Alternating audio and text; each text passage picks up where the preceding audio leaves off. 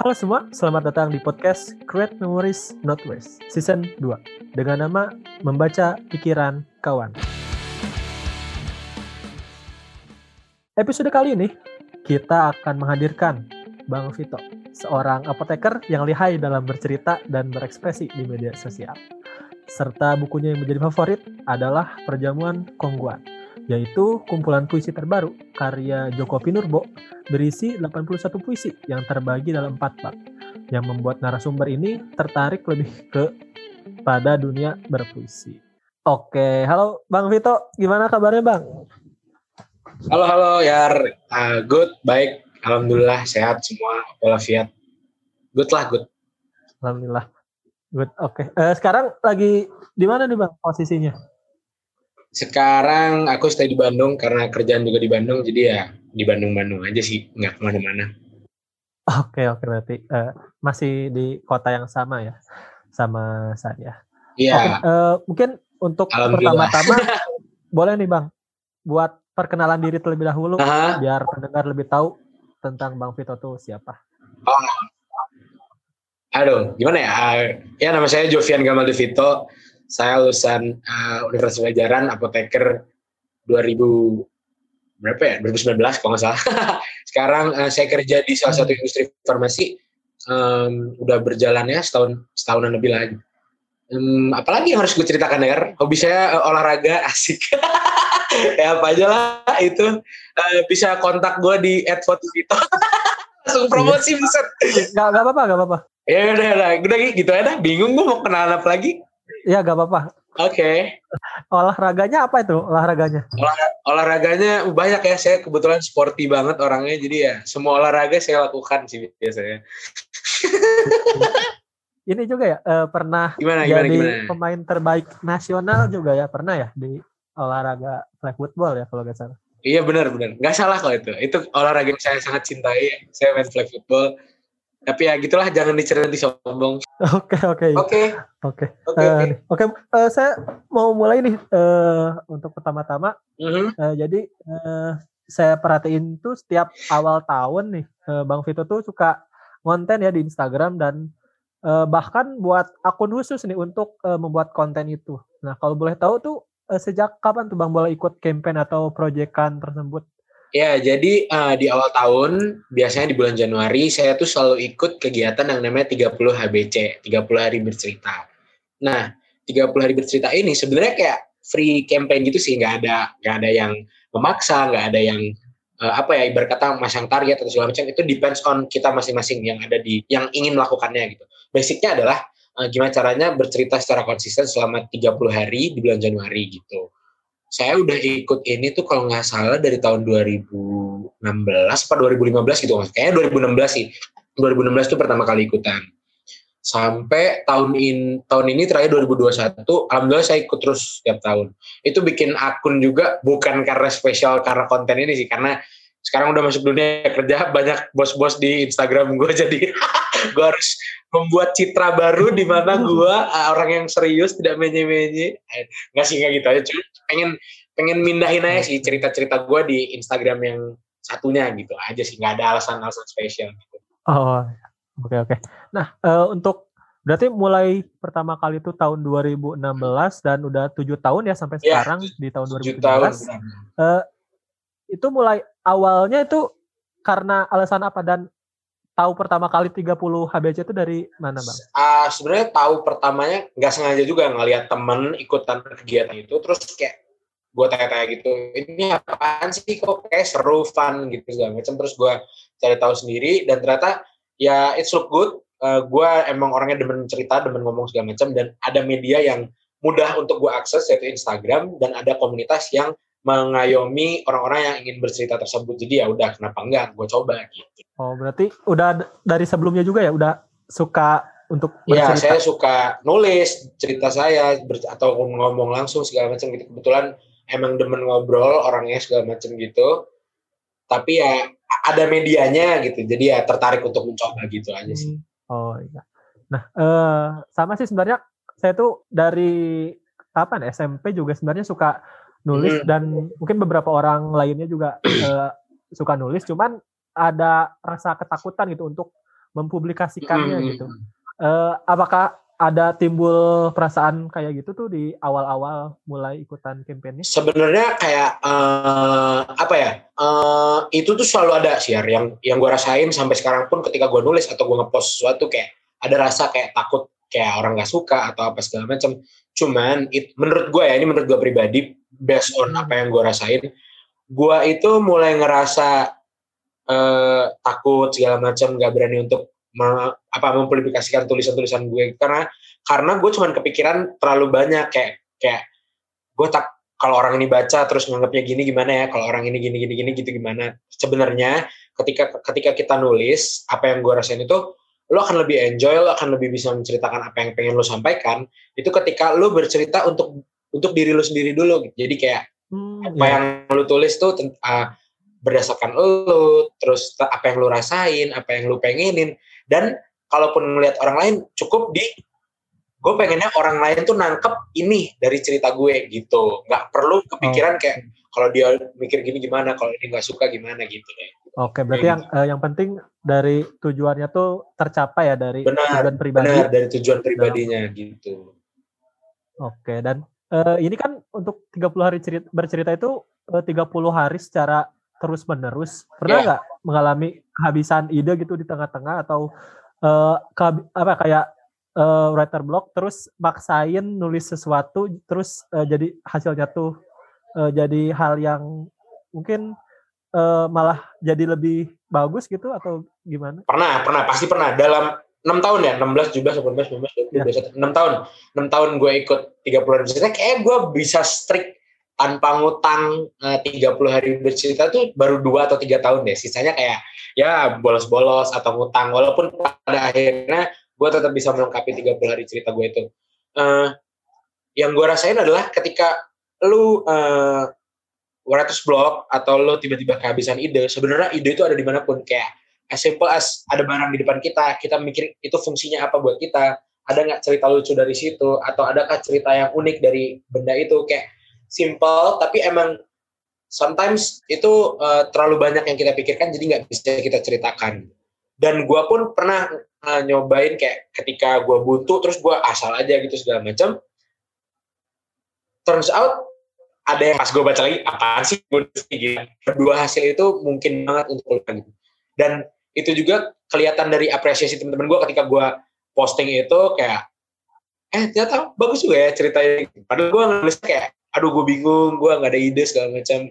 Ada yang ada yang responnya positif gitu juga dan ada yang responnya bilang negatif gitu segala macam karena gue kehabisan ide. Di kalangan yang suka nulis suka bercerita gitu segala macam itu kalangan itu hal yang normal. Dan biasanya ketika kita semakin terbiasa untuk menulis mengutamakan dalam tulisan itu akan lebih lama-lama terbiasa. Lama-lama terbiasa sih gitu aja. Oke oke. Uh, berarti selama uh, selama nulis emang kadang uh, walaupun misalkan gak pede terhadap tulisannya yang penting udah uh, apa coba aja dulu keluarin itu untuk masalah tanggapan orang lain uh, gimana nanti hmm. aja yang penting. Gimana nanti aja paling gampang paling gampangnya itu adalah ketika ketika mau nulis kita pikirin apa yang mau kita tulisin sama apa yang mau kita sampaikan di tulisan kita itu oh. nah ketika ketika itu udah tercapai nih apa yang mau kita sampaikan itu ter, tersampaikan ke orang lain yang baca itu udah gue sih bisa bilang itu udah di tahap sukses nulisnya kita menyampaikan apa yang ingin kita sampaikan dan orang bisa nangkep apa yang ingin kita sampaikan gitu. Oke oke. Nah uh, untuk dari enam tahun ini nih pelajaran yang didapat nih pasti banyak banget ya kalau bisa dibilang. Nah bisa ceritain nih benefit-benefit yang didapatnya nih dari 30 HBC. Benefitnya banyak banget sih, terutama kayak selama 30 hari bercerita itu kan kita nggak cuma nulis doang kan, kita juga baca cerita-cerita orang, kita lihat-lihat cerita orang lain itu kayak kita bisa punya yang gue rasa ya kayak kita dapat cerita orang kayak apa ya pengalaman-pengalaman yang orang lakukan gitu segala macam bla bla bla. Kan ada banyak hal yang bisa kita pelajari dari cerita orang lain gitu.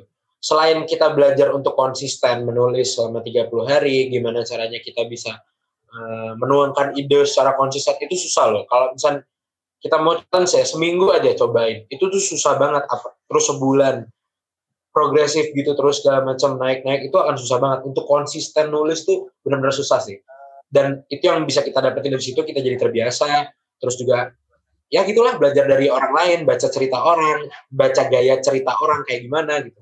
Kita bakal punya banyak insight sih dari karena kita juga membaca kan selama hmm. itu yang gua rasain sih gitu. Iya. Dan karena banyak yang ikutan juga jadi kayak serasa bareng-bareng juga yang ngejalanin betul betul. Apalagi kayak karena medianya Instagram terus juga di Instagram kan yang follow ya teman-teman kita gitu ada yang kepo ini apaan sih? Akhirnya pengen ikutan. Kita jadi dapat cerita dari teman-teman biar bisa bacain cerita teman-teman. Terus jadi saling ngepost gitu eh lu udah post belum? Gue gue gue udah post nih baca dong gitu. Atau ya saling suportif gitulah jadi kayak lebih ringan dan lebih termotivasi aja. Oke oke. Nah nah uh, mungkin selain aktif menulis di awal tahun juga uh, sempat saya juga lihat hmm.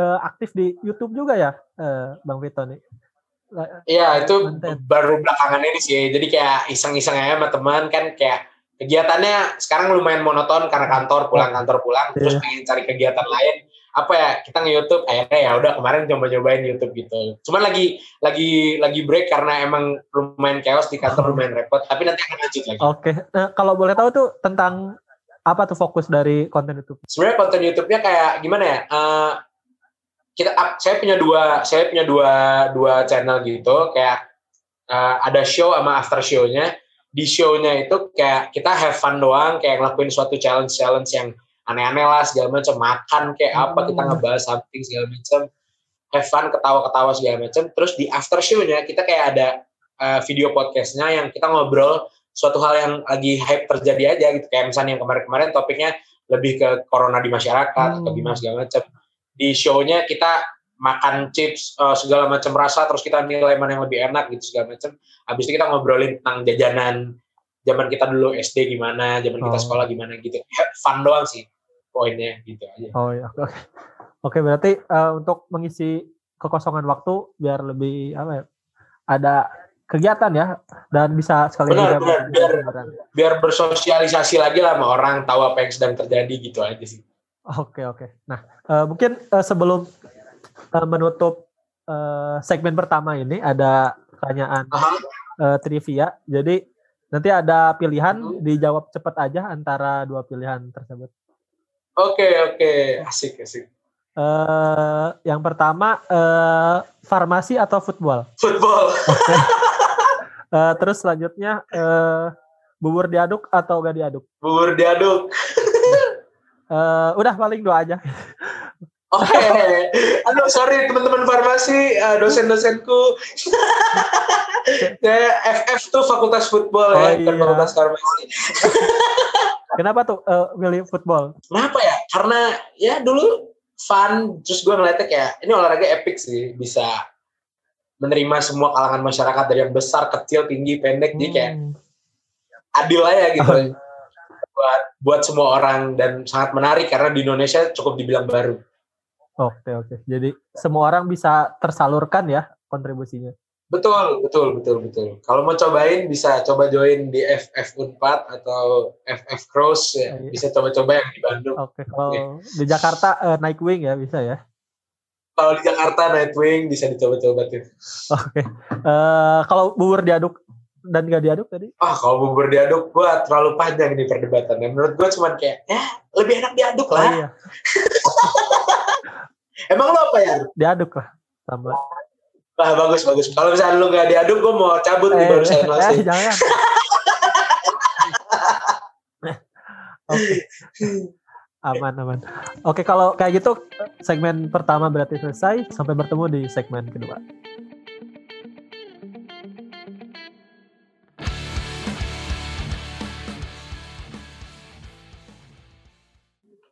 Oke, selanjutnya kita akan membahas mengenai buku nih, uh, Perjamuan Kongguan. Rasanya hmm. hampir semua orang di Indonesia tahu nih kaleng biskuit legendaris ini. Karena Betul. suka ada tuh di bulan Ramadan dan menjelang Lebaran tuh suka ada di rumah-rumah di Indonesia. Tapi kalau di buku ini nih kayaknya beda jauh karena isinya tuh bukan makanan melainkan kumpulan puisi dari Joko Pinurbo. Nah, untuk awalan nih pertama kali tahu buku ini tuh dari ada, ada ceritanya kah? dari mana? Uh, jadi sebenarnya ketika saat saya lagi benar-benar nulis itu, uh, saya lumayan mendalami, eh bukan ya, lumayan mulai menyukai kayak puisi, sastra, karya tulis lainnya dan lain-lain. Banyak yang saya baca, punya Pak Sapardi, Pak Jokpin salah satunya.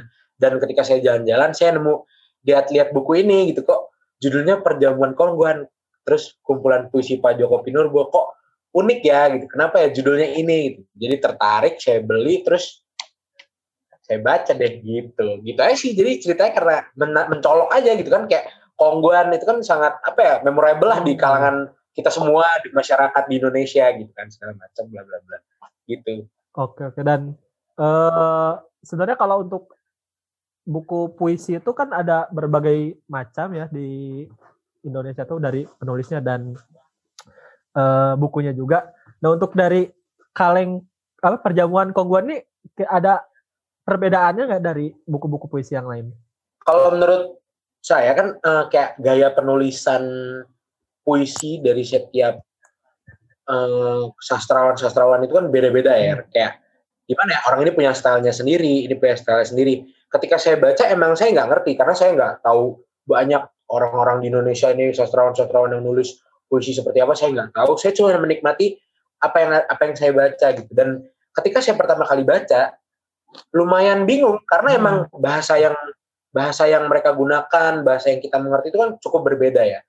Terus saya tapi saya mengagumi kenapa ya orang ini bisa pakai kosakata ini, kenapa ya dia bisa kepikiran kosakata ini itu kan kayak suatu hal yang sangat menarik itu yang saya rasakan gitu. Dan alhamdulillahnya beberapa waktu yang lalu dapat eh, kesempatan untuk ikut eh, di apa ya di satu zoom bareng sama Pak Joko Pinurbo ini. Dan dia membahas tentang uh, si buku ini gitu. Dia membahas tentang perjamuan kongguan ini gitu. Hmm. kenapa judulnya begitu? Kenapa isinya begitu? Dan segala macamnya. Di situ saya terjawab tuh kenapa sih dia nulisnya begini? Kenapa begini begitu begitu segala macam? Terjawab semuanya. Terus juga uh, gaya penulisan dia seperti apa itu terjawab gitu yang saya baca di buku. Oh iya benar ternyata dia penulisnya gini begini begini. Oh iya.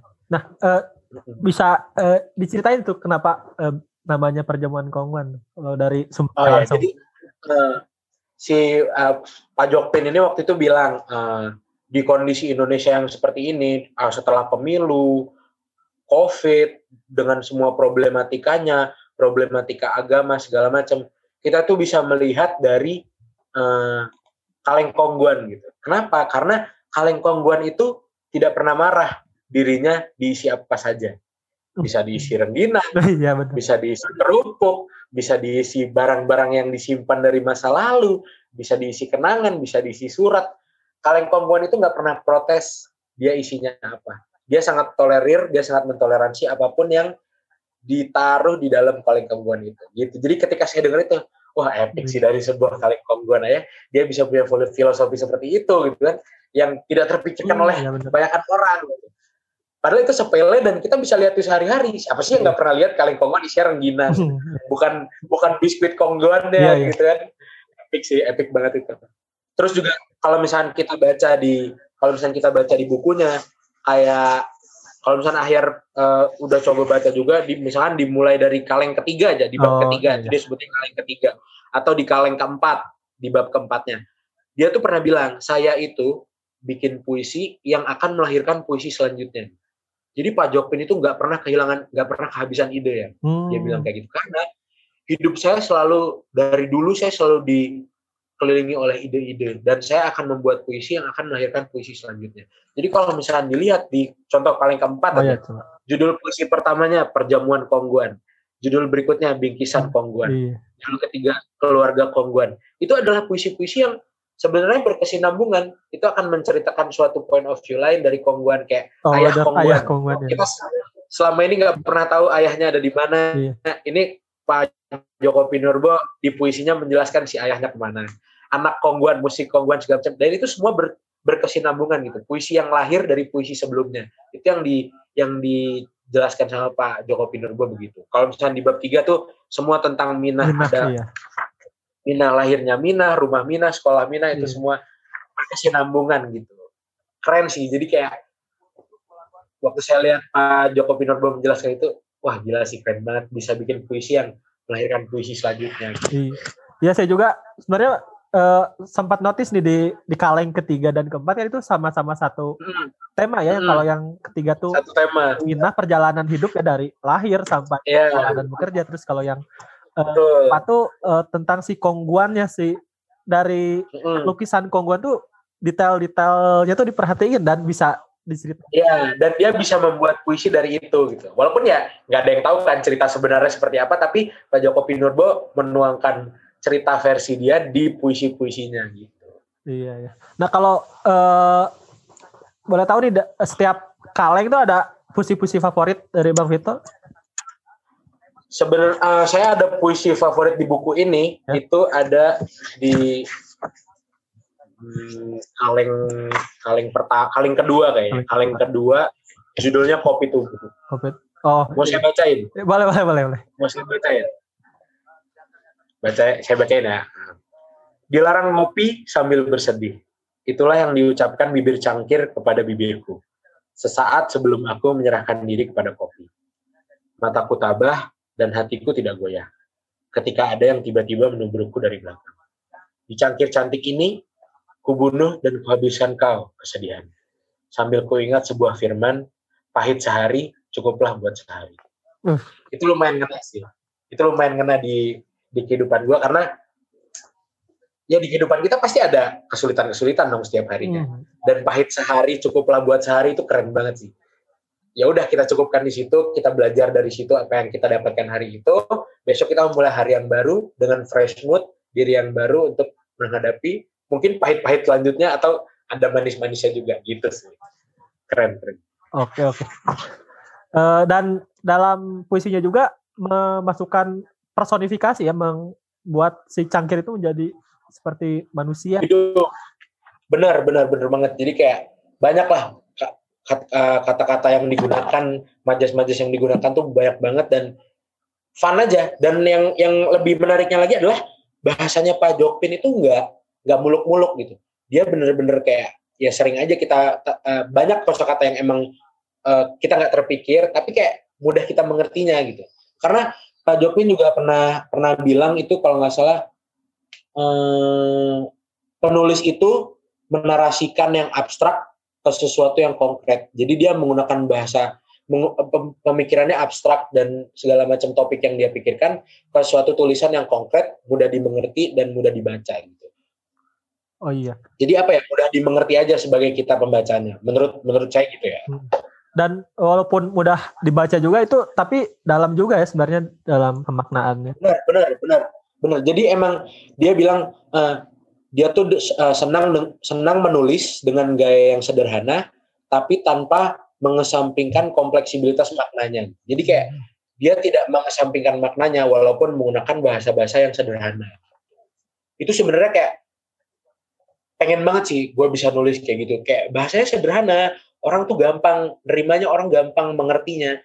Tapi maknanya itu tetap deep tetap syarat makna gitu. Itu kayak simple dan ngena banget pastinya hmm. ke kita tuh kalau misalnya kita baca cerita itu gitu atau puisi. Iya. Terkadang juga ternyata sebenarnya lebih sulit ya membuat tulisan-tulisan yang pendek daripada tulisan panjang berat beberapa benar benar benar. Karena emang kita mau menyampaikan sesuatu kita mau menyampaikan inti dari apa yang mau kita katakan dengan kalimat yang sedikit, dengan kata yang sedikit akan lebih rumit kan? Karena dengan kata yang sedikit itu kita harus menyampaikan apa yang ingin kita sampaikan. Nggak berbelit-belit, nggak terlalu panjang pada intinya, tapi tetap ngena gitu. Itu akan lebih rumit. Iya. Dan butuh waktu yang lebih lama juga ya sebenarnya kalau Benar, benar. Pak, Pak Jokpin ini udah berpuluh-puluh tahun lah iya. berkecimpung di dunia seni, sastra ini segala macam dan memang pengalamannya nggak bohong. Dia bikin puisi-puisi itu ya sangat ngena. Ya, uh, sel selain dari kopi tubruk ada lagi kah yang jadi favorit? Ini saya saya juga ini yang yang kongguan ya, yang oh, ya. yang berhubungan sama oh, kongguannya. Paling... Ini ada yang judulnya uh, bingkisan kongguan. Okay. Mari kita buka apa isi kaleng kongguan ini. Biskuit, peyek, keripik, emping, atau rengginang. Simsalabim buka. Isinya ternyata ponsel, kartu ATM, tiket, voucher, obat, jimat, dan kepingan-kepingan rindu yang sudah membatu. itu jadi kayak pas saya baca itu tuh itu kejadian sih di hidup di hidup gue. Jadi kayak nenek kakek gue itu dulu sering banget nyimpenin hal-hal yang sepele tapi penuh kenangan hmm. dan di kaleng kongguan gitu. Jadi pas ini kenapa ada kaleng kongguan sih di gudang gitu. Pas dibuka tuh isinya foto, kamera atau surat, hal-hal yang penuh kenangan, penuh kenangan buat mereka dan tersimpan dengan aman karena kaleng kongguan emang kuat. Iya, kan? kuat. karena kaleng kongguan emang kuat, gak kemakan umur gitu segala macam. Dan itu sebuah nostalgia yang sangat indah lah dengan kaleng kongguan doang spesial dibuka isinya ternyata kenangan-kenangan itu. Iya, berarti multifungsi ya. Me, apa kaleng kongguan itu selain buat tempat makanan jadi buat uh, kapsul waktu ya kalau di... Ya, benar. Dia itu dia penuh toleransi. Kaleng kongguan nggak pernah marah dia di siapa. Oke. Oke, nah, uh, mungkin kalau kalau saya sendiri sih paling uh, dari hal apa dari puisi-puisi yang ada tuh di ini nih di puisi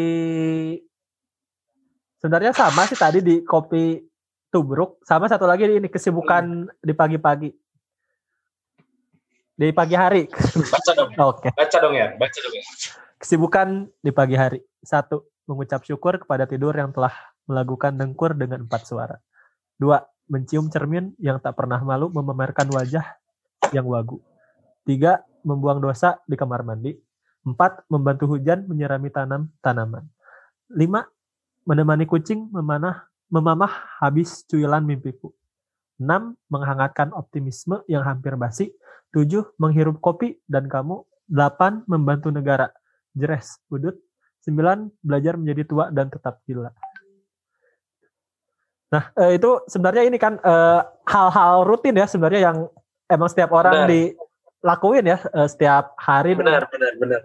Walaupun uh, rutin kadang orang juga suka uh, karena terlalu rutin jadi suka gak terlalu biasa aja. ya biasa aja gitu lewat aja lewat aja hal gitu. itu biasa padahal benar, sebenarnya benar. ada hal-hal tersendiri ya uh, dalam kegiatan tersebut yang dilakukan kayak hmm. dari tidur yang cukup tuh sangat penting sebenarnya buat benar sehat dan harus kita syukuri iya itu ya itu yang tadi kayak saya bilang ketika orang buntu atau kehilangan ide kayak dari hal-hal sesimpel ini yang emang biasa kita lakukan dijadikan tulisan dan ternyata that's good kan turn out good gitu hmm.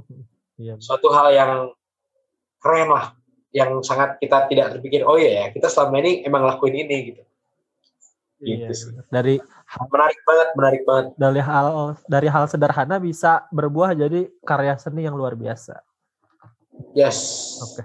uh, eh, nah mungkin uh, ini hampir di sesi terakhir ya bang. Jadi uh, untuk menutup ada hal-hal yang ingin bang Vito sampaikan nih untuk uh, para pendengar? Silakan.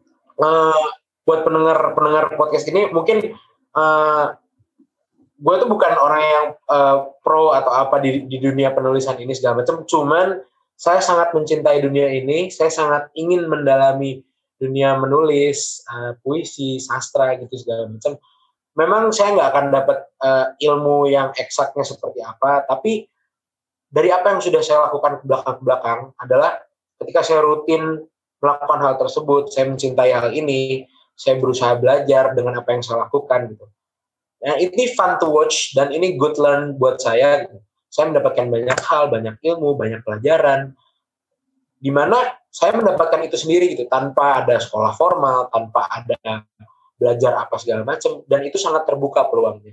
Dan ini tuh bisa dipraktekkan di semua aspek kehidupan gitu. Ketika kita emang pengen belajar sesuatu, ya duit kita harus belajar tentang itu. Kita harus kita harus lakukan itu gitu. Jangan pengen doang tapi nggak ada usahanya gitu mulai dari hal-hal kecil, mulai dari keingintahuan, mulai dari penasaran, kayak gitu-gitu tuh sangat membantu kita untuk dapat step selanjutnya. Jadi ketika ingin sesuatu, lakukanlah, pelajari itu. Dan itu semua mulai dari kita sendiri. Oke, terima kasih Bang Vito atas waktunya dan atas siap, cerita yang telah dibagikan di podcast kali ini. Siap. Terima kasih banyak juga Ayar sudah meng mengajak saya. Semoga ada yang bisa diambil dari apa yang kita bicarakan malam hari ini. Oke, okay. uh, mungkin saya akan menutup dengan satu puisi berjudul Rumah Kongguan. Hmm. Uh, rumah Kongguan, Biskuit berterima kasih kepada Rengginang yang telah ikut melestarikan rumahnya yang merah, Kaleng Kongguan. Dan saya pun ingin berterima kasih kepada pendengar. Jangan lupa untuk mendengarkan episode selanjutnya karena bakal ada kisah-kisah menarik serta segmen seru yang bakal kamu jumpai. Terima kasih. Saya Ahyar pamit. Sampai jumpa di episode selanjutnya.